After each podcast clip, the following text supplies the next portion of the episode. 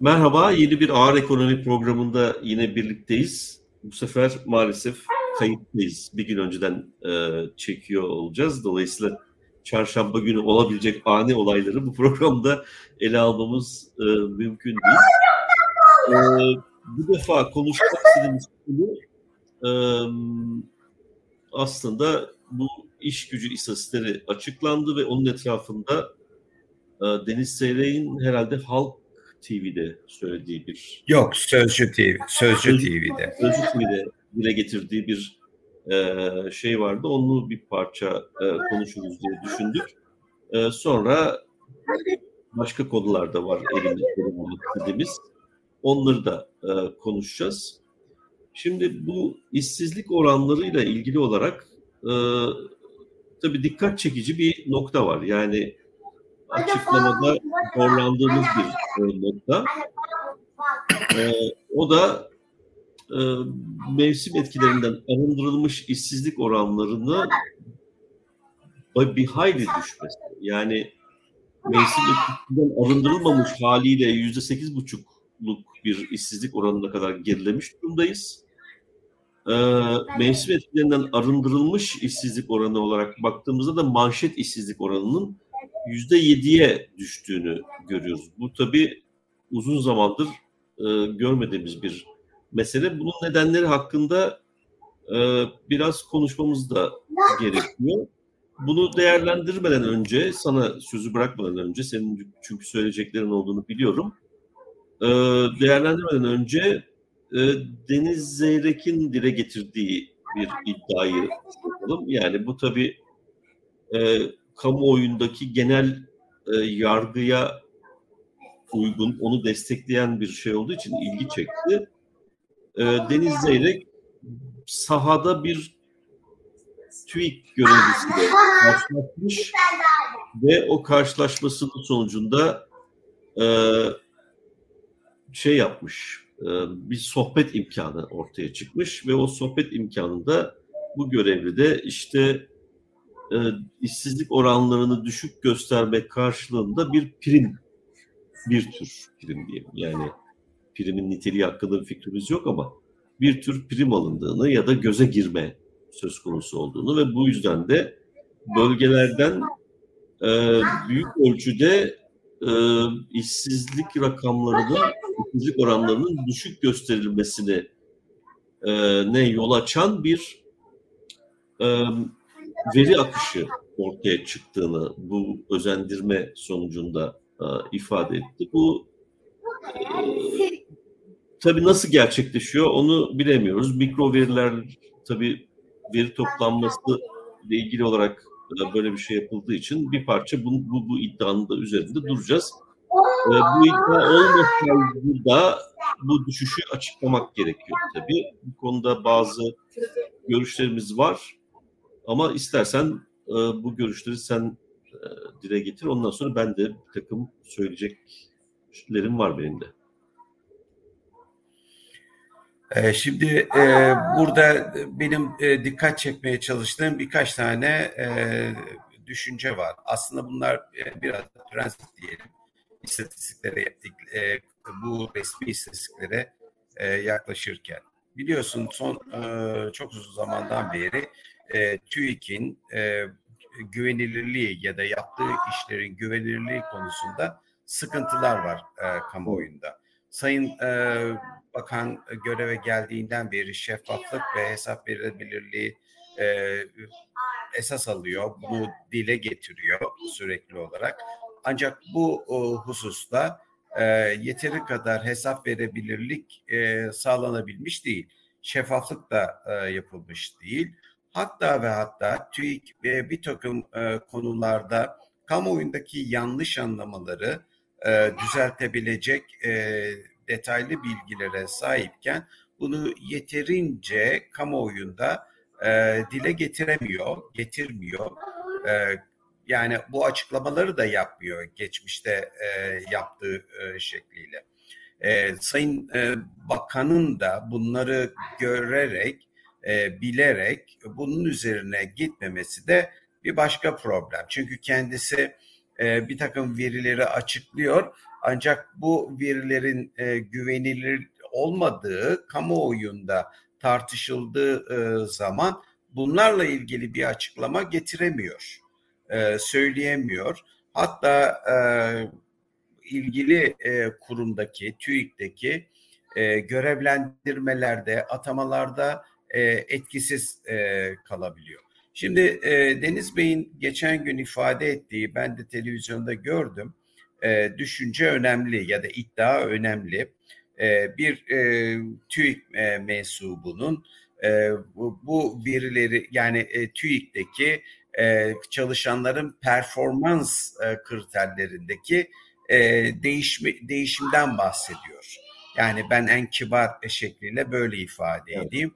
Yani e, bu e, rakamları iktidarın arzuladığı e, şekilde sonuç çıkacak e, e, çıkartabilmek e, şeklinde bir e, eylem var ya da bir anlayış var TÜİK'te demeye e, getiriyor ve bu e, e, düşünce e, ve bu iddia e, dikkate alınırsa o zaman e, enflasyonun düşük, işsizliğin düşük, büyümenin de yüksek e, çıkartılması e, bu TÜİK yetkililerin iktidarın istediği bir düşünce olduğu için TÜİK yetkililerin e, temel motivasyonunu oluşturuyor e, diyor. E, bu doğru mudur değil midir? E, ben bu tip konularda e, e, daha somut, e, daha nesnel ve e, daha teknik e, detaylara ihtiyacımız olduğunu düşünüyorum. Tabii böyle bir iddiayı dile getirdikten sonra e, bir gazetecinin hatta saygın bir gazetecinin yetkililerin hala sessiz kalıyor olmaları da bir başka problem bana kalırsa Mehmet Bey ve diğer TÜİK yetkililerinin. Biliyorsun geçmişte bunlar Veysel'in Veysel Ulusoy'un Veysel Hoca'nın başına e, neler gelmişti ki evet. onun e, onunkiler bilimsel bir çalışmaydı iddia değil. Yani kendi yaptığı çalışmanın sonuçlarını kamuoyuyla paylaşıyordu. E, ona bile tahammül gösteremeyen e, TÜİK böyle bir olay karşısında hala neden sessiz kalır onu da anlamış değilim. E, şimdi bu son sekiz buçuk e, rakamı anladığım kadarıyla kamuoyunda güvensizliğin bir sebebi. Yani bu rakamların neden böyle çıktığını iktisaden sorgulamak yerine düşük çıkınca o rakamı kabul etmemek veya o rakamla ilgili bir takım spekülasyonlara e, başvurmak genel kabul görüyor. E, çünkü ortam buna müsait. Oysa gerek EYT'nin etkisiyle gerekse vatandaşların iş gücüne katılımlarındaki düşüş e, sebebiyle e, böyle bir e, işsizlik rakamının çıkması da gayet normal. Sonuçta hani daha kapsamlı bir işsizlik bu ve bildiğim kadarıyla son bir ayda gelir getiren herhangi bir işte çalışıp çalışmadığıyla ilgili bir şey. Yani genelin algıladığı istihdam e, anlamı taşımıyor e, burada ölçümü yapılan e, işsizlik. E, yanlış ifade etmeyeyim diye uğraşıyorum da. Dolayısıyla e, böyle bir e, rakam sekiz buçukluk e, bir e, bir rakam e, sonuçta bir matematiksel bir e, kesir hesabıdır.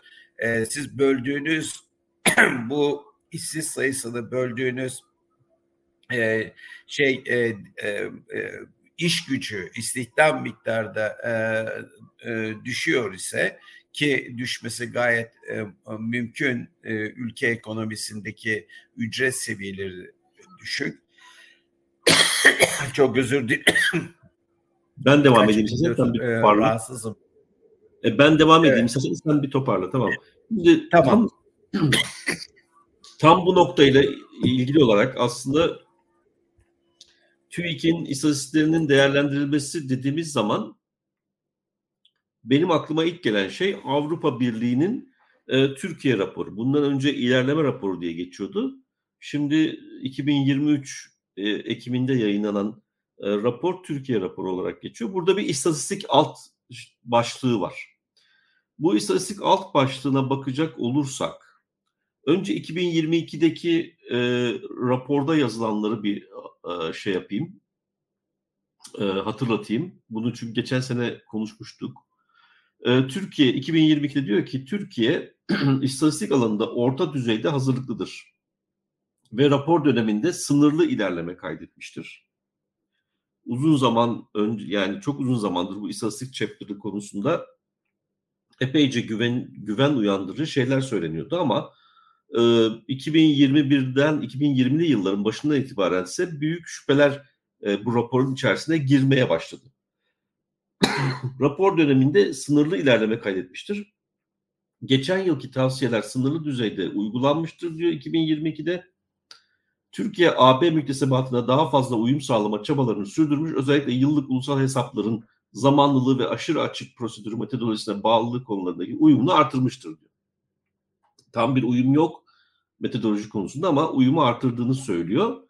Ancak rapor dönemi de dahil olmak üzere son birkaç yılda Türkiye İstatistik Kurumu yönetiminde sık sık yapılan değişiklikler kurumun güvenilirliğini önemli ölçüde zedelemiştir. Temel ekonomik verilerin güvenilirliği birçok kez sorgulanmıştır diye e, Türkiye raporuna girmiş.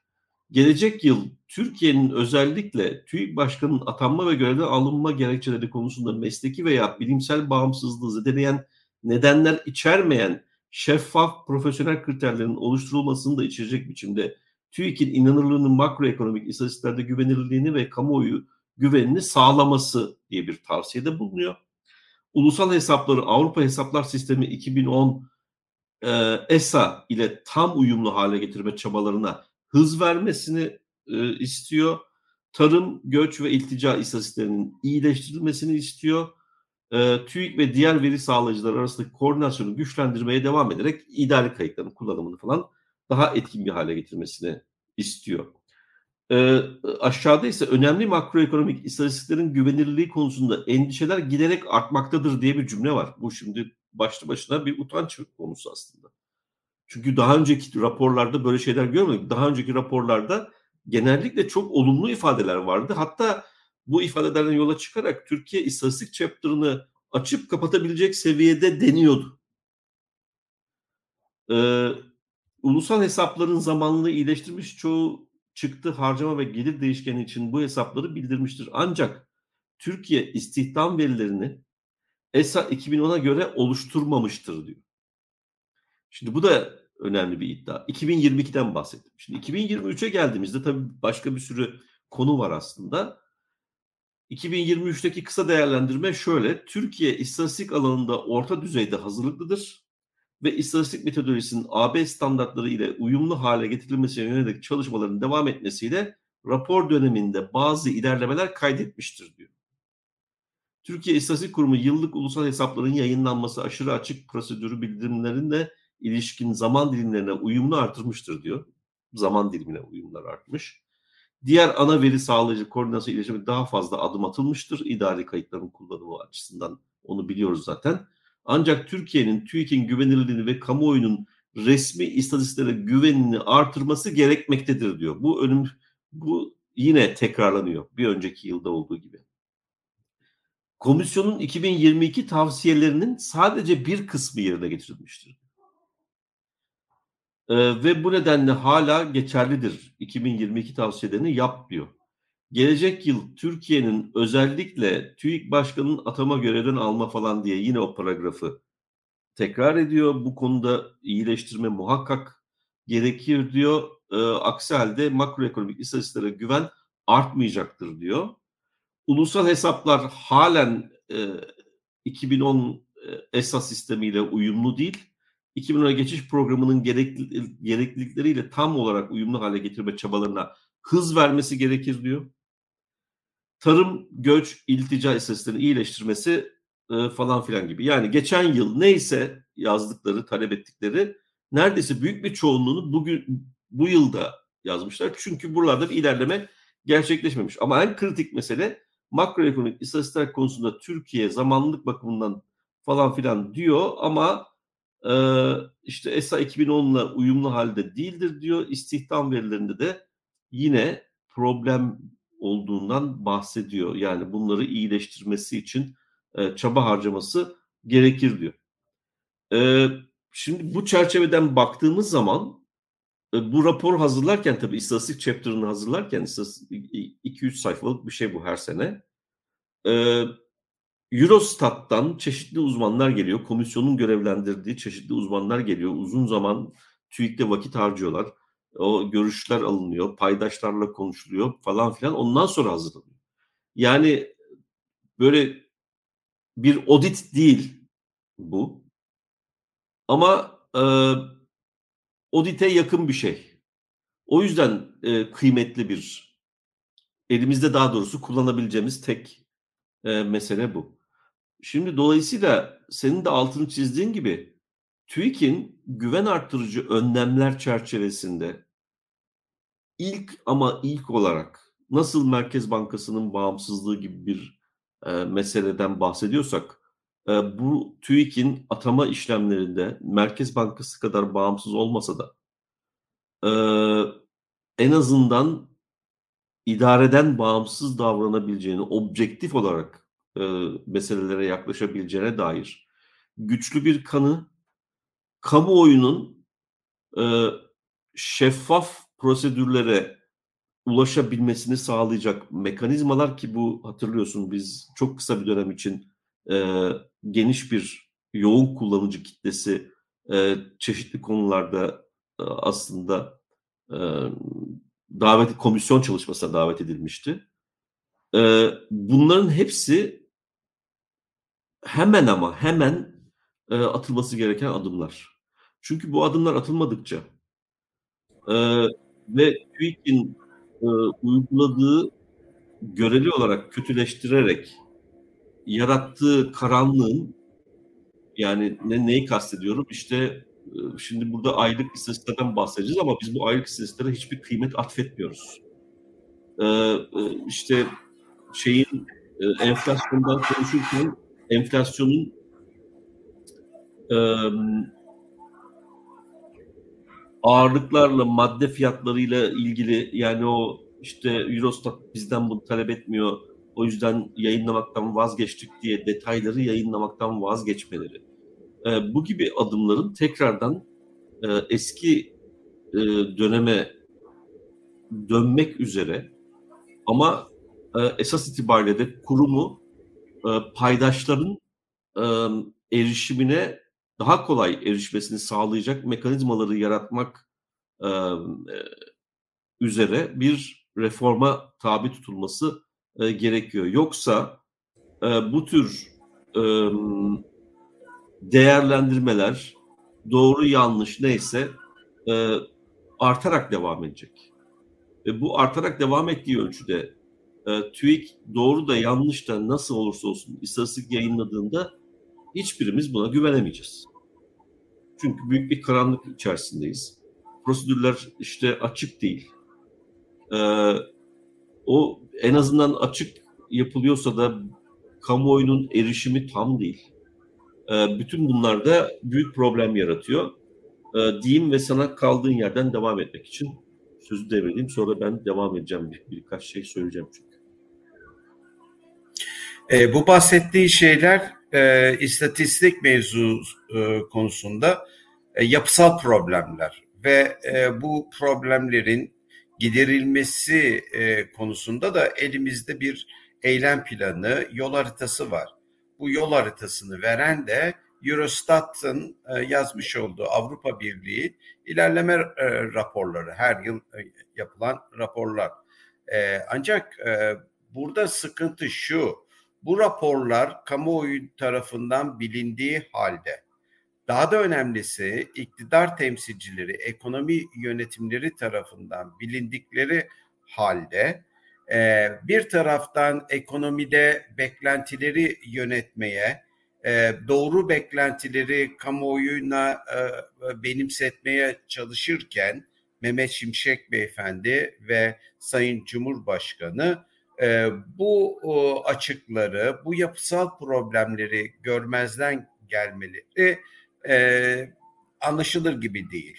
E, bu e, beklentilerle ilgili yani bu eleştiriler e, ortada e, veri olarak, problem olarak dururken hangi veriye hangi yabancı gözlemci, hangi yabancı yatırımcı güvenecek? E, kamu biliyorsun hani şu şu vukuundan beter diye bir laf vardır. Evet. E, doğru olmasa bile şimdi değil mi biz e, TÜİK'in e, her şeyi e, iyi niyetle doğru yaptığını e, kabul ediyoruz ve e, dile getirilen e, suçlamaları bir iddia olarak e, kabul ediyoruz. Ancak bu iddialara karşı da e, TÜİK'in bir açıklamada bulunmasının yerinde olacağını ben düşünüyorum. Özellikle iktidarın böyle bir seçim öncesi, e, daha önceki seçimlerde olduğu gibi e, bir takım iktisadi e, parametreleri e, kontrol altına alarak e, bilgi kirliliği yaratarak muhtemel bilgi kirliliği e, seçimle ilgili aksiyonları ve kamuoyu kararlarını yanlış yönlendirme ihtimali de var. Dolayısıyla hani modern gelişmiş bir demokraside e, böyle şeylerin kabul edilebilmesi mümkün değildir. Kaldı ki zaten vatandaşın gerçeğiyle, gündelik gerçeğiyle bu rakamlar arasında da giderek e, farklılık ortaya e, çıkıyor. Biz bu farklılıkları ne diyoruz? Efendim işte e, vatandaş işsizliği e, TÜİK'ten ve Eurostat'tan farklı tanımlıyor. E, o tanımlar çerçevesinde e, hesaplandığı için işsizlik rakamı da vatandaşın e, durumunu açıklayan e, işsizlikten farklı çıkıyor e, diyerek e, buna bir bahane e, kuruyorduk. Ki bu bahaneler zaman içerisinde sonuçsuz kalınca da e, TÜİK isabetli bir şey yaptı ve genişletilmiş e, işsizlik tanımlarını üretmeye başladı değil mi? E, yani vatandaşın e, aslında asıl e, hissettiği işsizlik rakamları olarak onlar zaten oldukça yüksek. Yani bu sekiz buçuk denilen e, rakam e, en son e, çıkan rakamın çok çok üzerinde e, mertebelerde e, bu rakamlar.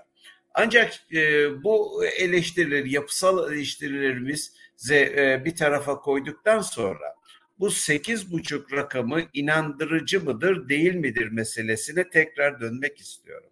Biraz önce de ifade ettiğim e, gibi öncelikle e, vatandaşın satın alma gücünde inanılmaz e, düşüşler gerçekleşti öyle değil mi son yıllarda?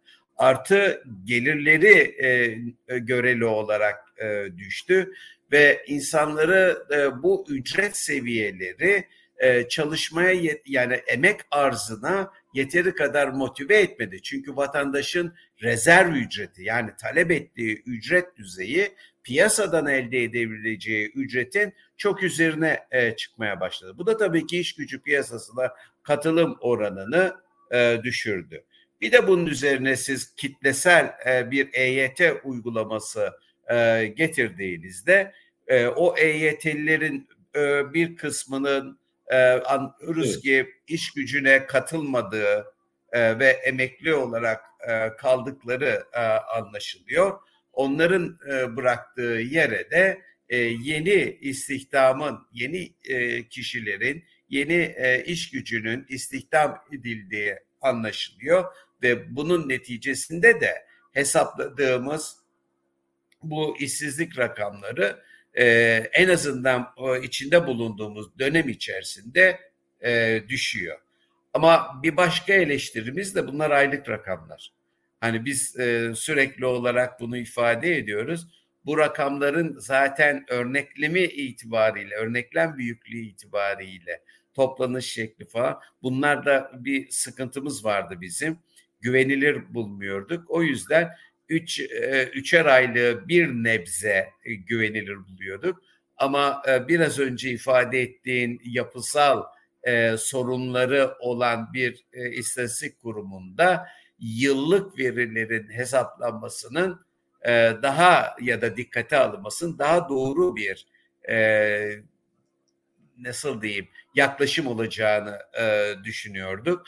E, ben bunu tabii ki sadece iş gücü için değil özellikle e, büyüme rakamları için e, tekrarlamak isterim. Hani çeyreklik rakamlar e, iyidir, hastır, zamanımızı doldurmak ve bir takım yorumlar yapmak için üçer ayda bir e, önemlidir, anlamlı buluyorum.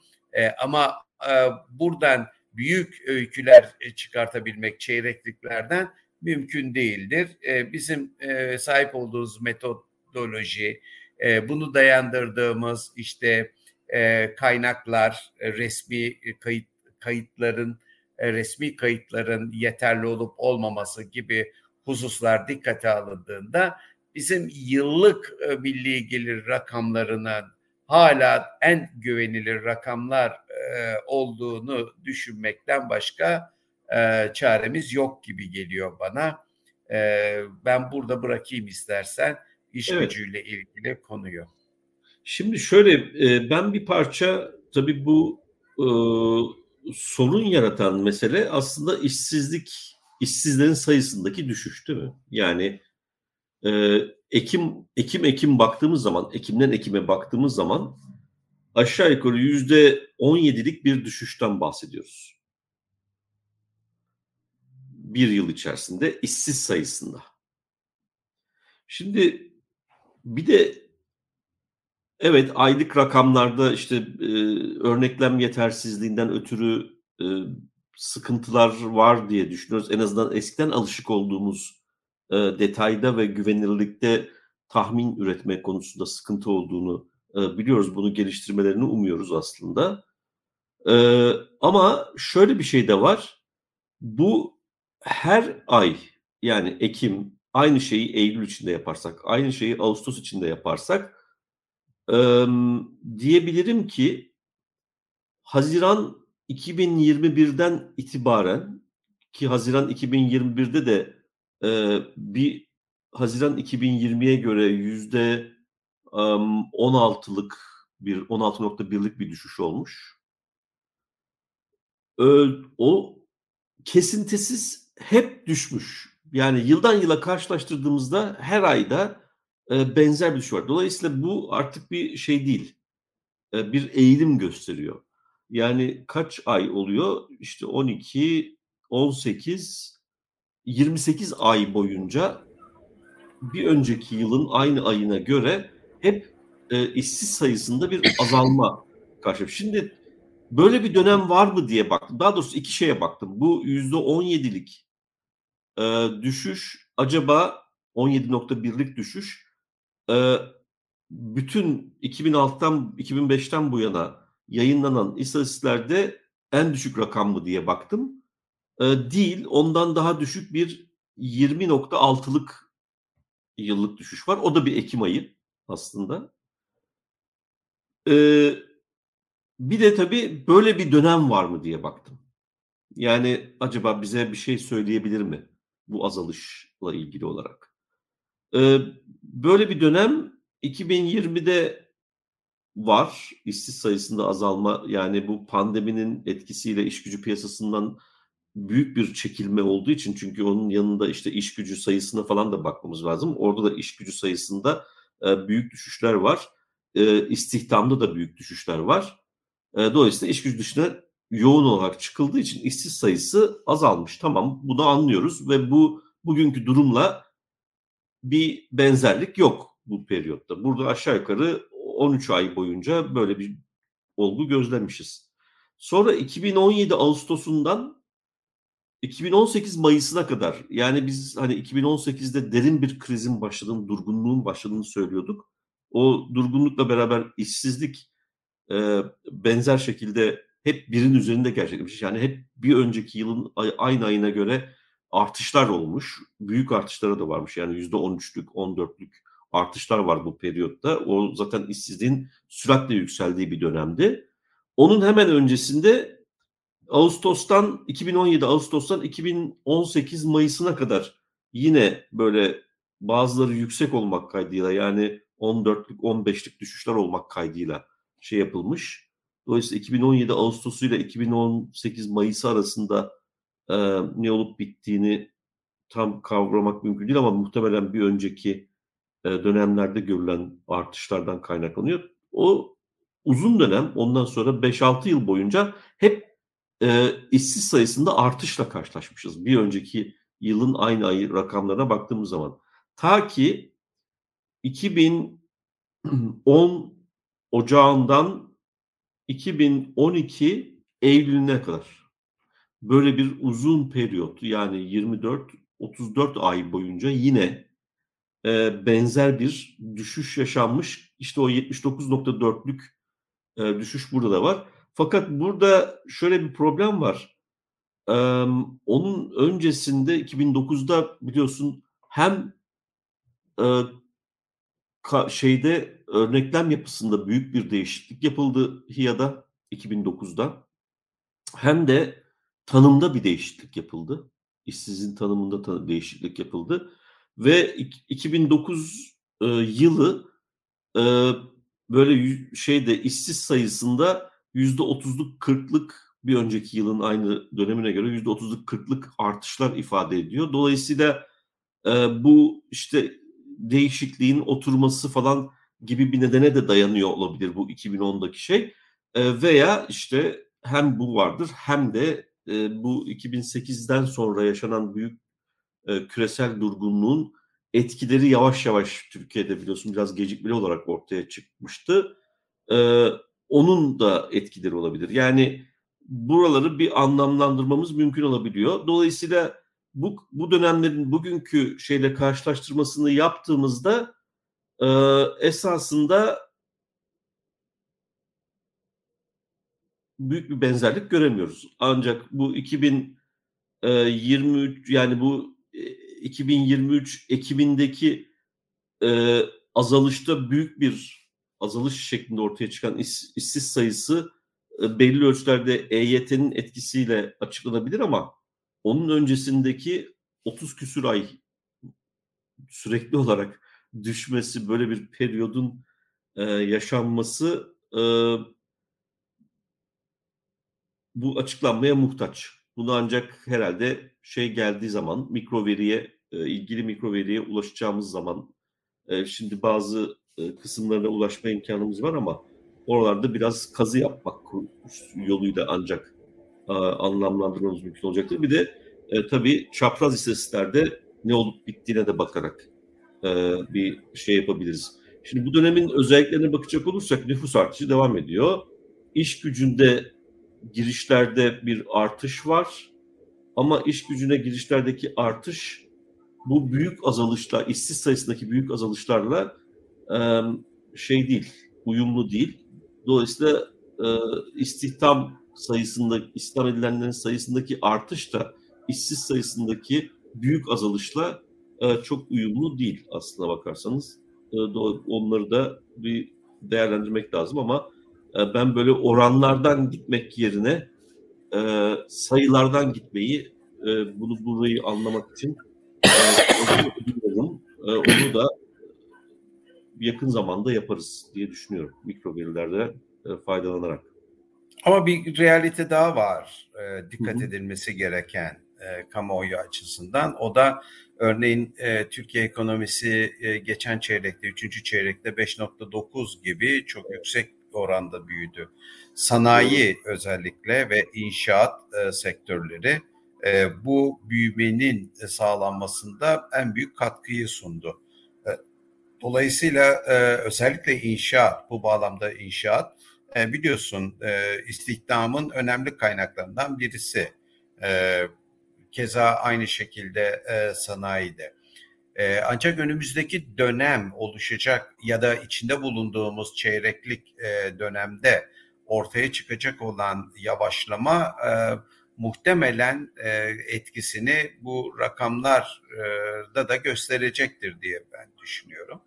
O yüzden de e, rezerv koymakla birlikte e, birazcık daha sabır, hani sonuca e, erişebilmek için e, birazcık daha beklemek ve farklı bir konjöktürün iş gücü rakamlarında yaratacağı etkiyi görmek gerektiğini düşünüyorum ben. E, şimdi bu e, senin dediğini ben de merak ettim. E, sanayi üretim endeksine de baktım. Yani o da hemen hemen aynı zamanlarda yayınlanıyor zaten.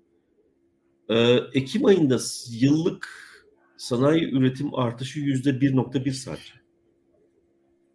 Yani önemli bir artıştan bahsedemeyiz. Çünkü 2021'lerde işte 8'ler, 10'lar falan var.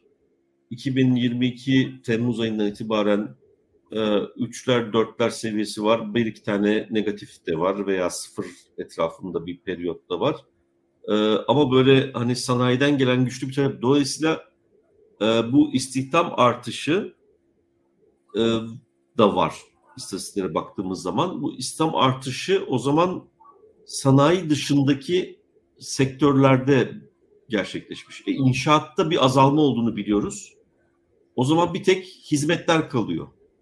Şimdi hizmetlerde de istihdamın niteliği ve kalitesi uzun zamandır büyük e, problem içeren bir şey değil mi? Yani e, bir bir kere e, süreklilik açısından sıkıntı e, görüyoruz burada. E, insana yaraşır iş anlamında sıkıntı görüyoruz. E, sağdan soldan duyduğumuz ama tabii belgelendirmek mümkün olmadığı için e, dikkate almakta zorlanabileceğimiz işte asgari ücretin bile altında çeşitli mekanizmalarla ücret ödenmesi gibi bir durumla karşı karşıya kaldığını ve bir tür platform kapitalizmi çerçevesinde hem kırılganlığın yüksek olduğu hem de süreklilik açısından, işin sürekliliği açısından sıkıntıların olduğu ve belki de part-time'ın falan daha yaygın olduğu bir e, e, bir istihdam biçiminin hizmetlerde e, bulunduğunu da biliyoruz. Dolayısıyla e, bu hizmet sektöründeki geçenlerde yine ele almıştık hani e, piyasa mekanizması yoluyla e, to, sosyal transfer niteliğinde bunu artık tırışkadan iş olarak e, tanımlamak da gerekebiliyor. E, burada bir parça yani Ekim ayı itibariyle baktığımız zaman e, EYT'nin etkisinin gözükmeye başladığını sonbahar aylarında EYT'nin etkisinin gözükmeye başladığını e, ama onun öncesindeki uzun dönemli e, işsiz sayısında görülen azalmada ise e, büyük ölçüde istihdam deposu niteliğinde e, ki sektörün hizmet sektörü olduğunu e, gözlemliyoruz. Diğer taraflardaki gelişmelere baktığımızda sanayiden büyük bir katkı yok. İnşaatta durum kötü. E, dolayısıyla bütün her şey e, hizmetlere gitmiş oluyor. E, Tırışka'dan iş dedi. Tırışka'dan işin tanımını bir kez daha hatırlatalım. E, bu antropolog David Graeber'ın aynı isimli kitabı Türkçe'ye de çevrildi. İngilizcesi Bullshit Jobs'dı. Türkçe çok güzel bir Türkçe çevirisiyle Tırışka'dan işler olarak yayınlandı. Ee, orada yapılmadığı zaman kimsenin fark etmediği, hatta yapıldığında etrafa zarar veren işler diye e, tanımlıyor ve bütün dünyadan çok sayıda e, canlı örnekle e, epeyce de keyifli bir okuması keyifli bir kitap olduğunu da söylemeliyim. E, ele alıyor. Dolayısıyla bu tür işlere doğru bir kayış olma ihtimali var. Ama kesin bir şey söylemek için yine mikro veriyi kazmak gerektiğini e, düşünüyoruz. Dolayısıyla elimizdeki en azından bu 30 küsur aylık periyodun başlangıcını inceleyebilecek durumdayız mikro veriden. Öyle bir çalışma yaptıktan sonra bu konuyu tekrar ele alma konusunda izleyicilerimize bir söz verelim e, ve e, geçelim. Aslında e, vakit kalırsa senin şimdi konuşmak istediğin başka bir konu daha olduğunu biliyorum. E, vakit kalırsa bu bölgesel asgari ücret meselesinde de bir alevlenen e, bence var. ben benim e, benim aklımdan o geçiyordu e, e, bölgesel askeri ücretle ilgili olarak. İstersen onu konuşalım. Peki olur. E, e, ne diyorsun o bölgesel askeri ücreti? Çünkü e, ana, meslek örgütleri, başka meslek örgütleri de e, ortaya çıkmış. E, ve e, bu beklenen e, ya da arzulanan bir takım etkileri e, olacağından e, bahsediyor. E, hatta evet. bizim e, Aydınlık Gazetesi'nden Recep de bunu şey yapmış, haberleştirmiş e, e, raporları. E, ben gördüm e, Fatih Altaylı'nın e, evet. bunu dile getirdiğini gördüm, e, duydum. E, bununla ilgili e, işte e, çeşitli e, şeyler sosyal medyada da e, bir hareketlilik oldu. Biliyorsun e, çok uzun yıllar önce başka bir meslek örgütü, büyük bir meslek örgütü böyle bir çalışmayı bizim yapmamızı istemiş ve bir süre biz bu konuda çalışmış ve ardından da o raporu yazmamaya karar vermiştik. Yani ikna olamadığımız için. Hala evet. tabii bunu tartışıyoruz. Seyfettin Hoca bu konunun e, takipçisi, şampiyonu. haklı olduğu çok şey var. Yani evet. mantık olarak haklı ama biz de haklıyız. Neden? Çünkü bunu uygulamanın çok zor olduğunu iddia ediyoruz. Hani e, iktisat tekniği açısından, e, normatif açıdan değil, yani e, ahlaki şu bu açısından değil ama teknik olarak uygulamak e, özellikle iş gücü piyasasını ayrıştıracak böyle bir yöntem e, girmenin e, bölgesel hani e, Türkiye ekonomisi malum biliyorsun ya da siyasi yapımız e, merkeziyetçidir. Ademi merkeziyetçilik e, idari yapımızda yok, tanınmış değil. Hatta bu siyasi tartışmalara neden oluyor. Ama siz Amerika Birleşik Devletleri'nde olduğu gibi yani eyalet sistemi olmuş olsa ve her bir eyaletin ekonomisi birbiriyle ayrışmış, iş gücü piyasaları birbirinden tamamıyla farklılaşmış olmuş olsa e, böyle e, politikaları uygulayabilmek nispeten daha kolay olur. Ama Türkiye evet. gibi e, ekonomilerde biraz zor gibi. Şimdi oraya gelmeden önce e, bir kere bu bölgesel asgari ücreti savunan meslektaşlarımızın ve e, işveren örgütleri tabii büyük ölçüde. İşveren örgütlerinin e, argümanları ne? Ona bir bakmak lazım. Birkaç grup argüman var çünkü. Seyfettin özellikle e, şeyde iş gücü talebinin e, bazı bölgelerde çok düşük olduğundan bahsediyor. Haklı. Zaten biz de 5 bölge çerçevesinde baktığımızda e, e, özel sektörden kaynaklanan iş gücü talebinin benim doğu diye adlandırdığım 30 küsür ilin bulunduğu bölgede e, yok denecek kadar az olduğunu e, söylüyoruz. Yani tamamen kamu istihdamının ayakta tuttuğu bir ekonomiden bahsediyoruz. E, işveren örgütleri de e, bir aralar bu yine alevlendiğinde 2010'lu yılların ortalarına doğru herhalde alevlenmişti. E, bakın e, biz Mısır'a gidiyoruz. Niye? Orada çok düşük ücret var. E, burada asgari ücret yeteri kadar düşük olmadığı için e, Mısır'a gidiyoruz. Ama işte İstanbul'da yaşam koşulları çok zor. E, dolayısıyla e, göreceli olarak yaşam koşullarının daha ucuz olduğu e, şeylerde, bölgelerde daha düşük asgari ücret olsaydı biz oralara giderdik diyorlar. E, yani iki temel şey bu. Bir iş gücü arzını arttırmak, Öbür tarafta da işte büyük ölçüde işsizlik e, çeken, işsizlik sorununun yoğun olduğu bölgelerde işte e, istihdamın artmasını sağlamak.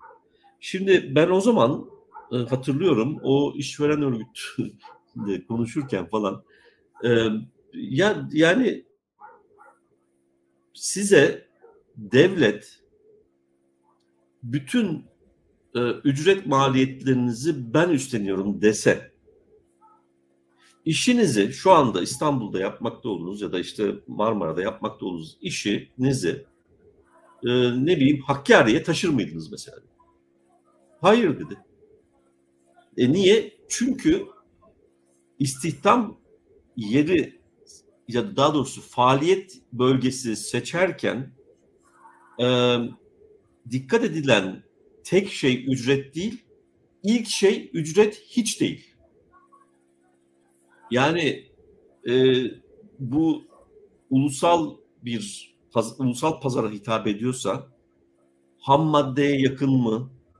Efendim e, piyasaya yakın mı? Yani pazara yakın mı? Ona bakacaksınız. Şimdi içinde bulunduğumuz e, dış şoklara açık ulaştırma maliyetleri ile pazarın batıda olduğu, büyük ölçüde vasıflı iş gücünün batıda olduğu, yine çok büyük ölçüde ham maddenin, limanların, şunların, bunların falan da kıyı bölgelerinde batıda olduğu bir koşullarda e, ne yapacaksınız? Siz buradan ham maddeyi ya da işte işlenmesi gereken maddeyi alacaksınız, götüreceksiniz doğuda, hadi Hakkari'ye gitmeyelim, e, Erzurum'da, şurada, burada falan e, üretim yapacaksınız.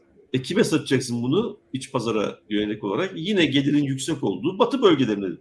Dolayısıyla bir bizim şeyde endüstri mühendisliğinde ve işletme mühendisliğinde optimizasyon konusunda en temel şeylerden bir tanedir değil mi? İş akışında falan boş taşımanın olmaması gerekir. E bu boş taşıma yapmış oluyorsun. Bunun maliyeti ücret maliyetinin misliyle üstünde çıkacaktır. Eminim bunda. Bu konuda bir çalışma gösterebiliyorlar mı bana? Önce bunu göstermeleri lazım. Bize ya da neyse. Ee, ikinci olarak eğer uluslararası bir piyasaya hitap ediyorsanız zaten hiç olmaz. Çünkü limandan alacaksınız. E, limandan ihraç edeceksiniz. E, serbest bölgeler falan kurulurken, bunlar teşvik edilirken bir dakika o serbest bölgeyi bırakalım. Biz e, istihdamı geliştirmek için işte bilmem e, Erzurum'a götürelim orada yapalım. Peki. Demek ki sanayi, manayi falan gibi işler için bu e, asgari ücret geçerli değil. E, diyorlar ki işte hizmet sektörü falan filan olsun. Peki hizmet sektörü dediğimiz ne? Yani kocaman bir e, balktan bahsediyoruz. Böyle bir yamalı bohçadan bahsediyoruz. Hizmet sektörünün içerisinde yüksek teknolojili işler de var. Hizmet sektörünün içerisinde e, call center'lar da var.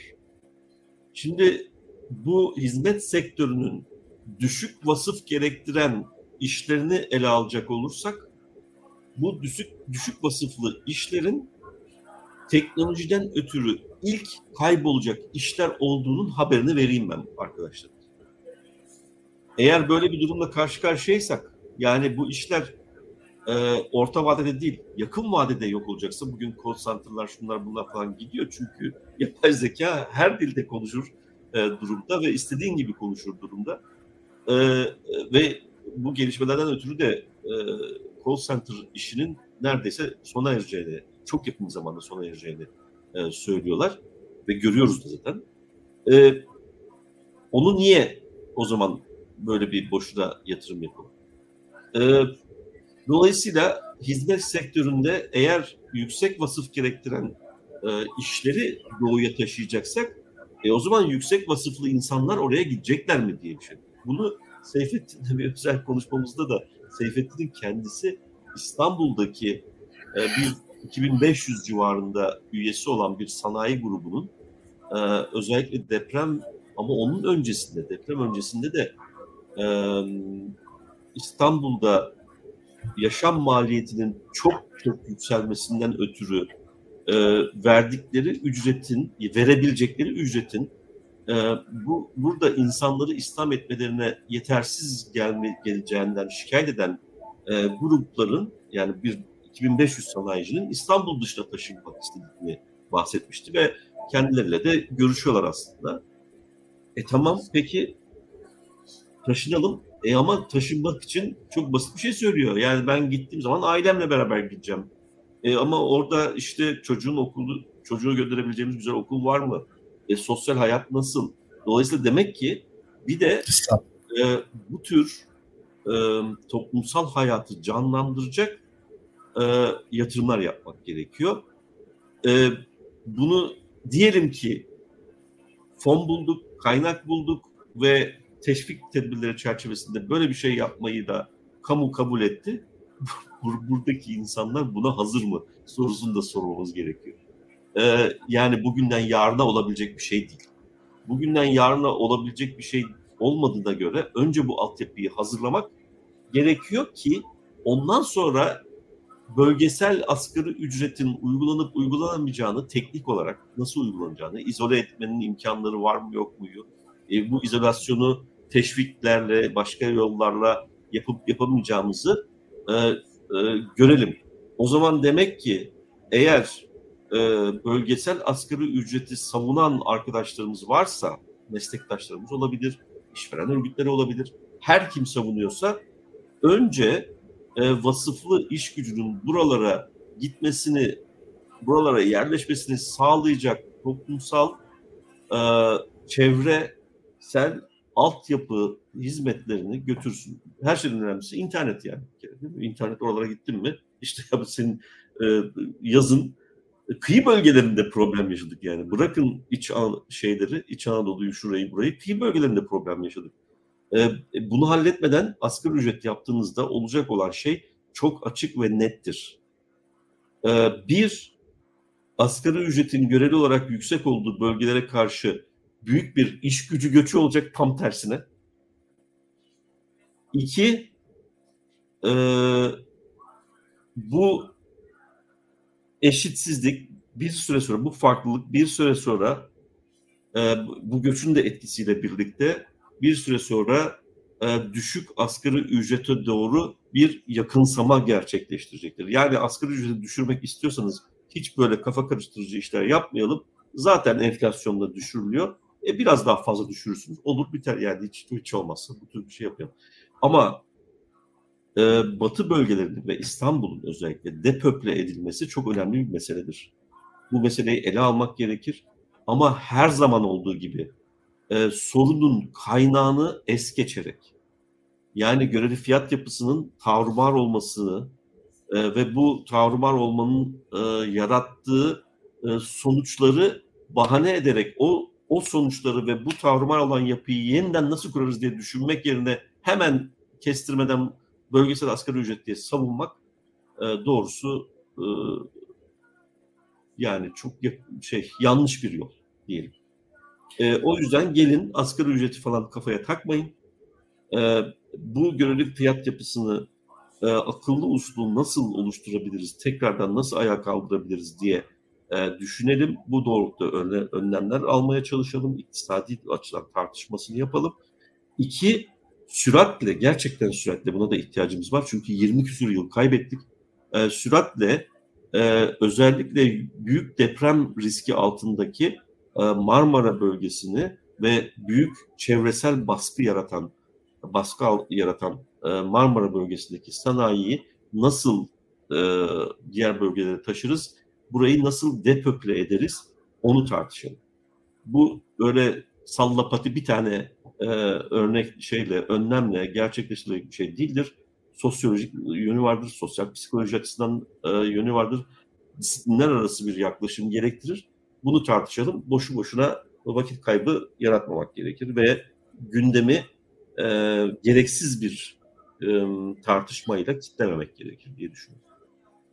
E, süremiz e, bitti ama bir şey ifade etmek istiyorum bu bağlamda. O da e, acaba e, diyorum e, Türkiye'nin temel problemi asgari ücret değil de e, o asgari ücretin aslında aslında medyan ücret olması ve e, olması mıdır? Yani e, e, böyle bir ortamda asgari ücretin ülkenin genelinde uygulanan bir ücret seviyesi olduğu bir durumda siz istediğiniz kadar e, bölgesel manada bir farklılık yaratın. Bir anlamı yok çünkü asgari ücret müessesesi ya da e, kurumu e, gerçek fonksiyonunu yerine getiremiyor böyle bir ortamda öncelikle yapılması gereken e, ücret farklılaşmaları yani vasıflara göre ücret farklılaşmasına izin verecek bir yapıyı kurmak lazım. Belki senin biraz önce bahsettiğin o göreli fiyatlardaki deformasyonu ortadan kaldırmakla e, ifade ettiğin şey bir bakıma bir yönüyle de bu. Yani Olur. insanlar e, vasıflarının karşılığında e, karşılığı olabilecek bir ücret alabilsin. Dolayısıyla şimdi bu e, iş gücü piyasasındaki bu durumu dikkate aldığımız zaman ben şunu da e, birden e, soruyorum kendime. Acaba iş dünyası bölgesel askeri ücret e, talepleriyle aslında başka bir şey mi dile getiriyor? Yani aslında olması gereken bölgesel asgari ücret değil de onlar genel olarak ülkedeki ücretlerin seviyesinden dolayı bir rahatsızlık mı duyuyorlar? Eğer buysa e, ve bu ücret seviyesini ödeyebilecek bir e, faaliyet kazancına sahip değilse bu işletmeler o zaman e, çok dramatik bir durumla karşı karşıyayız diyebiliriz. Yani neden e, Türk firmaları e, böyle e, kazancılarını arttırabilecek verimli işler yapmıyorlar da sürekli olarak ücretleri baskılayabilecek e, bir takım kurumsal düzenlemeleri ihtiyaç duyuyorlar. E, yani benim e, kanaatime göre benim de itirazım budur. 1980'den beri e, ücret yani düşük ücret politikasıyla ayakta kalmaya çalışan e, verimlilik konusunda e, kayda değer herhangi bir çaba içerisine girmeyen, işletme sermayesini arttırmak için bir çaba göstermeyen iş dünyası ve kamu ki işletme sermayesini sevgili hocam eriten sadece işçilik değil, aynı zamanda finansal maliyetler, aynı zamanda e, vergiler ve aynı zamanda da enflasyon. Şimdi e, siz vergileri yüksek tutuyor, enflasyonu engelleyemiyorsanız e, veya finansal maliyetleri kontrol edemiyorsunuz. Onun e, bunları e, kontrol edemeyince e, ücretleri kontrol etmeye çalışıyorsunuz. E, iktidar da kendi payından e, vazgeçemeyince o da işverenlerle ittifak içerisinde ücretlere e, yöneliyor. E, ve ücretlerin üzerine baskı koyuyor. Oysa e, bu baskı bir yüksek vergilerin, e, iki enflasyonun ve önlenemeyen finansal maliyetlerin neticesinde ortaya çıkıyor. İşverenlerin hiçbirinin bu üç tane faktör konusunda e, söz söylediğini görmedim. Varsa yoksa iş gücü maliyetleri. Dolayısıyla bunun da çok e, adil hatta ahlaki olduğunu düşünmüyorum. Bunlara devam ederiz. E, süremizi evet. biraz da açtık. E, evet. Bu haftalık bu kadar söyleyeceklerimiz diyelim. Hoşça Haftaya kalın. devam ederiz. Hoşçakalın.